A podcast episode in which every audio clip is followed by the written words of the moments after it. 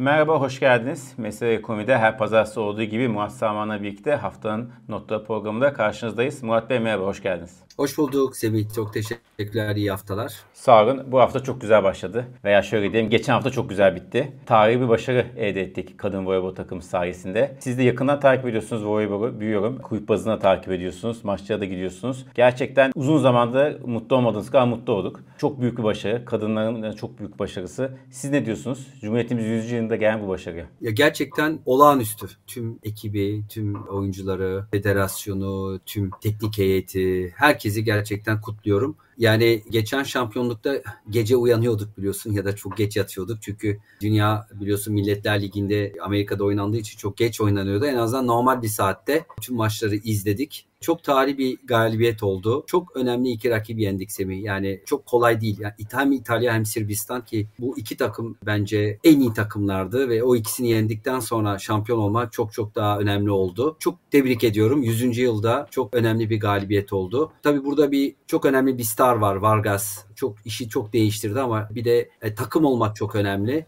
gerçekten takım bazında herhalde en önemli başarımız diye düşünüyorum yani. Hem Milletler Ligi'nde dünya şampiyonu hem de bu Avrupa Kupası. Yani düşün bir futbol takımımız Euro turnuvasını, Avrupa Şampiyonası'nı tamam. kazandığını düşün. Yani biz en fazla orada biliyorsun yarı finale evet. kadar çıktık. Onun için çok çok tebrik ediyorum. Çok çok önemli bir başarı. Çok tarihi bir kupa, tarihi bir yılda tekrardan tebrik ediyorum. Bu büyük zaferde emeği geçen herkese çok teşekkür ederim ve gündemimize, ekonomiye dönerim. Bugün Enflasyon günü. Ağustos ayı enflasyon açıklandı. Temmuz'da çok yüksek gelmişti. Ağustos'ta beklenti yüksek gelmesiydi ama açıkçası beklentiye de biraz aştı. Aylık bazda 9.9. 9.09 pardon. Yıllık bazda ise %58.94'lük bir enflasyona karşı karşıyayız. Son 2 ayda sadece son 2 ayda ve bu yaz ayları yani Türkiye'nin enflasyon enflasyon bakımından nispeten rahat geçtiği aylarda son 2 ayda enflasyon %19.44. Ne diyorsunuz Murat Bey bu enflasyon rakamlarına? Yani bu yaşadığımız kur şoku özellikle son yılların uygulanan rasyonel olmayan e, Sayın Şimşek'in deyimiyle yani akılcı olmayan politikaların sonucu. Yani tüm iktisatçıları sorsan zaten bunu söylemişti. Yani bu enflasyon patlayacağı belliydi. Hem talep bir türlü yavaşlamıyor ki seçim öncesi daha da hızlandı. Hem de tabii ki kurdan dolayı ki seçimden sonra hani e, sonuçta e, bir kur şokundan bahsedebiliriz. Yani 17-18'lerde olan kur işte bugün 27'ye e, yaklaştı. Şunu söyleyebiliriz eğer o tabloyu da verebilirseniz ilk defa TÜİK enflasyonu aylık bazında İTO'dan ve ENAK'tan yüksek geldi. Bence yani şunu söylemek istiyorum. Biz burada yani yanlışa yanlış doğruya doğruyu söylüyoruz. Bizim hani haftalık beklentileri paylaşıyoruz. Neler takip edeceğiz, açıklanan verileri paylaşıyoruz. Bir şey doğruysa doğru söylüyoruz. Burada TÜİK'te ben şunu ifade edeyim yani kendi gözümle ben TÜİK'te de bir rasyonel e, daha çok bir rasyonellik görmeye başladım. Çünkü veriyle. Geçen ay da biliyorsun yakın bir e, aylık bazda veri gelmişti. Ama tabii yılla e, baktığın zaman ben onlara baktım bu sabah. Yani bugün işte TÜİK'te 58.94, e, İTO'da 77 yıllıkta, e, ENAK'ta %128. Yani yıllık olarak baktığımızda ya bu da geçmiş aylardaki TÜİK'in açıkladığı e, düşük enflasyondan kaynaklanıyor.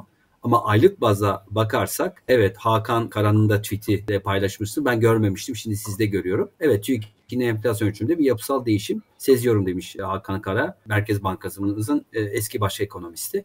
Çok değerli bir hocamız. Aynı şeyi düşünüyoruz. Yani ben TÜİK'te bir rasyonellik görüyorum. Yani hala bak rasyonel diyoruz ama neredeyse iki katı. Yani biri neredeyse 59, TÜİK'in açıkladığı yıllık enflasyon, ENAK enflasyon araştırma grubu. iki katı kadar bir e, enflasyon var. Maalesef bu enflasyon e, biraz daha yükselecek. E, Sayın Şimşek'in bahsettiği gibi, hep söylediği gibi bunu düşürmekte çok kolay olmayacaktır. Bir zaman var burada. Şunu ekleyeyim Semih istersen. Yani 25 faiz burada düşük kalmaya başladı. Yani biz dedik yani yükselttik ya işte Sayın Şimşek'in de tweetini veriyorsunuz. Sabretmemiz gerekiyor ama yani ne kadar sabredeceğiz? Onu onu onu tam bilmiyoruz. Ben en az bir yıl diyorum. Yani özellikle yerel seçimden sonra daha da sıkı bir para politikaya geçeceğimizi düşünüyorum. Buradaki tek soru işareti acaba seçimden önce geçmiş yıllarda uygulanan genişleme politikaları uygulanacak mı? Bence herkeste soru işareti bu. Bu da tabii ki enflasyona da e, negatif şekilde etkiler. Yani biz enflasyonu evet düşürme yoluna gittik ama bu bir ara verirsek bütün yapılanların maalesef etkisi azalacaktır diye düşünüyorum. Evet bunu zaman içinde göreceğiz tabii. Artık çok bir şey de kalmadı seçimlere. Bakalım nasıl bir süreç geçireceğiz. Biraz önce söylemiştiniz. Onunla ilgili bir grafik var. Şimdi arkadaşlarımız verecek. Politika faiz yani reel faiz Türkiye'de reel faizi. Şimdi enflasyon yükseleceğini esasında ekonomi yönetimi de kabul etmişti. Zaten bunu enflasyon raporunda da anlatmıştı. Politika faizi de yükseltiyorlar ama aradaki makas tabii ki daralmıyor. Yani çünkü enflasyon çok daha hızlı yükseliyor. Yine Hakan Karadan aldık. Ee, kendisine teşekkür ederim. TİF sosyal medya hesabında paylaşıyor. Yargılanıyoruz çalışmalarından, grafiklerinden. Burada Türkiye ve emsal ülkelerdeki politika faiz enflasyon farkı. Bir nevi reel faiz diyebiliriz. Gözüküyor ve burada Türkiye'nin e, en sağda kıpkırmızı olan şey Türkiye, diğerleri de işte benzer ülke. Türkiye burada negatif ayrıştı demek bile tam karşılamıyor. Yani Türkiye başka bir evrende e, bu bu makasta. Başka bir. Bu bu devam ettiği sürece yani anlamlı bir buradaki anlamlı bir değişik olmadığı sürece enflasyonu düşürmek mümkün olacak mı sizce? Çok zor olacak. Yani biz gerçekten bu sadece para politikası ve politika faiz değil, mali, e, maliyet e, maliye politikalarında da e, ciddi adımlar atmamız lazım. Sayın Şimşek de belirtti. Bence oradaki önemli ayaklarından biri tabii ki e, kamuda tasarrufun artık. Yani sadece açıklamalarla, yazılarla değil ciddi bir şekilde görünür olması lazım. Çünkü kamu da sonuçta talebi arttırabiliyor. Tabii işte kamunun yaptığı bu vergi artışları, zamlar e, bunlar tabii ki enflasyona yansıyor. Ama orada bütçeden dolayı bunu yapıyor. Yani o zaman bütçeyi e, daha sıkı hale getirmek lazım. E, orada e, evet gelirleri arttırıyoruz ama e, gelirleri biraz daha az arttırıp harcamaları daha çok fazla kısmak lazım. E, böylece daha fazla e, zam ve vergi gelmez. Böylece daha az e, enflasyona yansır o tarafta. E, öbür tarafta da bence burada para politikası bence yani evet faizler yükseldi 8,5'tan 25'e ama enflasyona göre hala gevşek. Yani politika faizinin gelecek sene beklenen enflasyona yakın yakınması lazım. Yani daha daha yakın bir yere gelmesi lazım. Gelecek enflasyon tahmini Merkez Bankası'nın biliyorsun 33. Bence o Hani 40'a revize edebilirsin bunu. Çünkü bu sene 58 demişti. Daha şu anda 58'i geçtik. Yani 58-94 olduk. Ki bu daha da biraz daha yükselecek bence. Ee, hani 65-70'lere minimum gidecek. Yani gelecek enflasyonda 40 falan dersen yani politika faizini bence 45-50'lere getirmek zorundayız. Şimdi ben şöyle bir düşüncem vardı. Hani 4 kalan toplantıda 250 e, share bas puan yapar e, işte 35 olur faiz diye ama maalesef o da yetmeyecektir Semih. Yani bunu belki de hani 250 bas puan değil 500 bas puan şeklinde e, yapılabilir. E, o zaman e, işte faizle yani 45'e gelir. E, o da daha rasyonel bir e, para politikası olur diye düşünüyorum. Evet. E, dediğiniz gibi 250 şer ilk ana senaryo e, yet, yetmeyecek gibi gözüküyor. E, peki buradan şimdi biraz borsaya geçelim. Borsada siz söylediğiniz, verdiğiniz uzun zamandır verdiğiniz seviyeyi kırdı. Bugün yaklaşık 1,5 puan, %1,5 yukarıda. Ee, bankacılık sektörü çok hızlı bir şekilde yükseldi. %4-5'e kadar yükseldi gün içerisinde. Dediğim hep her programda söylüyoruz. Yani borsanın için bir sebep olmasına gerek yok. Zaten yükseliyor.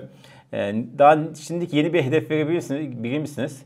e, dövizlerin de doğrudan da hani, sabit veya işte daha bir bantta hareket etmesi, borsanın sürekli çıkması tabii ki döviz bazında da, dolar bazında da borsa yukarı çekiyor. E, yeni hedefler, yeni kritik seviye neler? Yani tabii çok kolay değil artık yani e, yani üç, üç yani şöyle, şöyle ancak e, bir destek çok önemli bir destek burada e, verebilirim. O da 8000. Yani 8000 artık bence çok çok önemli bir destek. E, TL bazında da önemli bir destek. E, biraz teknik e, bakarsak da bir önemli bir destek. Aynı zamanda da 3 sente e, denk geliyor. E, onun için bugün TL bazında rekorlar kırıyor. E, TL bazında e, hedef vermek artık çok kolay değil. Yani hani biraz e, sabah grafiklere bakınca işte 8300 e, bir, bir direnç gibi gözüküyor. Sonra da 8500 gibi e, yani 3.1 3.2 sent gibi e, hedefler o, olabilir ama dediğim gibi e, hedef vermek daha da zorlaştı. E, 3 sent dediğim gibi çok önemli bir destek. Oraya kırmadıkça e, borsa biraz daha yukarıya gidebilir. Benim oradaki e, iki tane kriter var. Bir yabancı girişi gelecek mi gelmeyecek mi? Bu borsayı destekleyecektir. O gelmezse bu momentum zayıflayabilir. E, işte biliyorsun Goldman Sachs'ın toplantısı var. O bir e, bakalım e, orada bir gelişmeler olacak. OVP var bu ay. OVP açıklanacak tam tarihini bilmiyoruz. O da önemli izlenecek. Özellikle yabancı yatırımcılar tarafından IMF ile ilgili temaslar olacak. Şimdi bütün bunlar aslında e, borsayı biraz daha e, canlandırabilir yabancı yatırımcı açısından. E, ama dediğim gibi e, diğer tarafta da mevduat faizleri eğer yani ben böyle 45-50'lere doğru giderse e, mevduat faizleri e, orada borsadaki momentum e, zayıflayabilir. E, orada bir kar satışı da görme ihtimalimiz var. Yani şöyle düşünelim. Hani %50 olsa mevduat faizleri işte bugün e, bir yıl sonra endeksi işte e, 12 bin bekliyor muyuz? Yani 12 bin beklemiyorsak ya da işte 14, 13, 14, 15 bin beklemiyorsak e, bu mevduat e, aslında e, iyi bir rakip borsaya e, ve daha garanti bir getiri. E, onun için ben orada biraz da mevduat faizlerini izliyorum. E, şu andaki oranlar 30-35 civarında ama e, Eylül'deki PEP, e, para politikası kurulu toplantısı bence çok önemli olacak. E, ben 250 bas puan e, bekliyordum ama e, şu gelen enflasyona bakarak e, Sayın Şimşek'in açıklamalara bakarak e, sanki bir 500 bas puan daha gelebilir diye düşünüyorum. O zaman bu mevduat faizlerini artacaktır. E, o zaman borsa için e, ciddi bir baskı olabilir. Evet. E, onu söyleyeyim ben.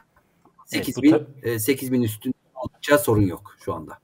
Evet tabi dediğiniz gibi hem o günün fiyatlamasından ziyade orta vade fiyatlama çok etkiliyor. Çünkü artık insanlar şeyden emin olmaya başlıyor yani tamam mevduatta da biz artık enflasyon karşı korunabiliriz hissettiğinin anda ha, şu anda hala o his yok tabii ki hala da e, şu anda korumuyor.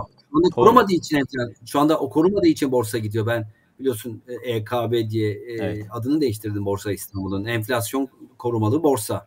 Yani bugün enflasyondan korunabilecek yegane enstrüman şu anda hala Borsa İstanbul. Yani enflasyonu yenebilecek. Mevduat hala çok düşük. Uzun süredir bu böyle. Gerçekten uzun süredir bu tablo değişmedi. Peki e, Murat Bey buradan dövize geçelim. En sakin. Bir ara en çok e, en yoğun hareket buradaydı. En çok bu konuşuluyordu. Ama artık o kadar sakinlik var ki e, eskisi kadar gündem olmuyor. E, hemen hemen aynı seviyedeyiz. E, 26-77'deyiz. 72-80 arası gidip giriyoruz. Biliyorsunuz işte e, Mehmet Şimşek dövize müdahale etmiyoruz e, demişti. Yani bir seviyeye seviye korumuyoruz demişti. E, hatta Hakan Kara da onu destekleyen bir açıklama yapmıştı. E, ama sonuçta şu bir gerçek ki çok daha bir bantta hareket ediyor. E, bu çok gözle görülür bir e, şey. Yani bunu inkar etmek çok zor. E, burada siz e, geçmiş birkaç ay veya yılda gibi yaşadığımız bir süreç için bekliyorsunuz. Yani biz bir süre burada gezi, gezineceğiz. Sonra bir düzeltme yapacak veya işte biraz servis bırakacak. Çünkü biliyoruz ki uzun süre döviz kuru sabit kalınca bu sefer ihracatçı kızmaya başlıyor. E, ithalat atıyor. Öyle o tip yan etkiyi de var. E, ne diyorsunuz? Dövizde nasıl bir hareket göreceğiz? En azından e, Eylül ayında. Valla ben senin sonuna kadar e, daha sakin bekliyorum. Yani belki de piyasa beklentisine göre daha e, sakin bir e, şey bekliyorum. Döviz kuru bekliyorum. Evet hani yukarıya gidecektir onu biliyoruz. E, e, ama böyle e, seçim öncesi biliyorsun 17-18'ler sonra ciddi, hemen 27. Ya o şekilde değil de hani ben mesela ya 30'un üstünde yani yıl sonunda sanki beklemiyorum gibi. E, seçim öncesi çok da istenmez. E, yani kur bence biraz e, buralarda işte bir yabancı girişi olma ihtimali de var. Orta Doğu'dan olabilir. E, işte bu yapılan toplantılar sonrasında bir e, yabancı girişi olabilir. E, bu da tabii ki ödemeler dengesi için pozitif. E, kuru da e, destekleyebilir. E, onun için evet bir yükseliş olacak kurda ama e, ben bunun biraz daha sınırlı e, kalacağını düşünüyorum e, açıkçası. Tabii burada merkezin e, uygulayacağı politikaların devamı çok önemli. Yani o dedim faizler e, işte politika faizi ve işte mevduat faizleri daha da yükselirse e, burada kurdaki baskı azalacaktır. E, fakat tabii şimdi çok öyle bir zor durumdayız ki Semih. Yani şimdi biz evet faizleri yükselteceğiz. Bu mevduat yükselecek ama bir tarafta kredi faizleri de yükselecek. Bu da ekonomiyi yavaşlatacak. Maalesef işsizliği de artıracak. Yani çok zor bir şey denk, denklemdeyiz gerçekten. Yani faizi yükseltmeden sıkı para politikası, sıkı maliye politikası yapmadan e, enflasyonu düşüremeyeceğiz. Ama bunları yaptığımız zaman da e, istihdamdan ve büyümeden ödün vereceğiz. E, işte seçime kadar idare edilmeye çalışılacak. Seçimden sonra çok çok daha e, sert e, bir ekonomi politikasıyla karşı karşıya kalacağız. Evet. Gözüken o. Yani gelen sinyal o yönde. E, şimdi peki buradan ticaret dediniz. Dış ticaret verileri açıklandı bugün. E, dış ticaret açığı Ağustos'ta 8.8 e, milyar dolar oldu. E, şöyle bir şey var. İhracat 1.6 arttı Ağustos ayında. İthalat ise 6.3 oranında azaldı esasında e, ekonomi yönetimi istediği bir şey. Burada e, burayı küçültmek istiyorlar. Ama tabii aynı zamanda biraz önce söylediğimiz gibi bu ekonomide de yavaşlamanın göstergesi. E, ama hem cari açık hem dış ticaret açığı biliyorsunuz çok ciddi seviyeye çıkmıştı. Şimdi yavaş yavaş oradan dönecek bek, genel beklenti bu. E, ne bekliyorsunuz burada? Hem bu veriye hem de bundan sonra siz ne bekliyorsunuz?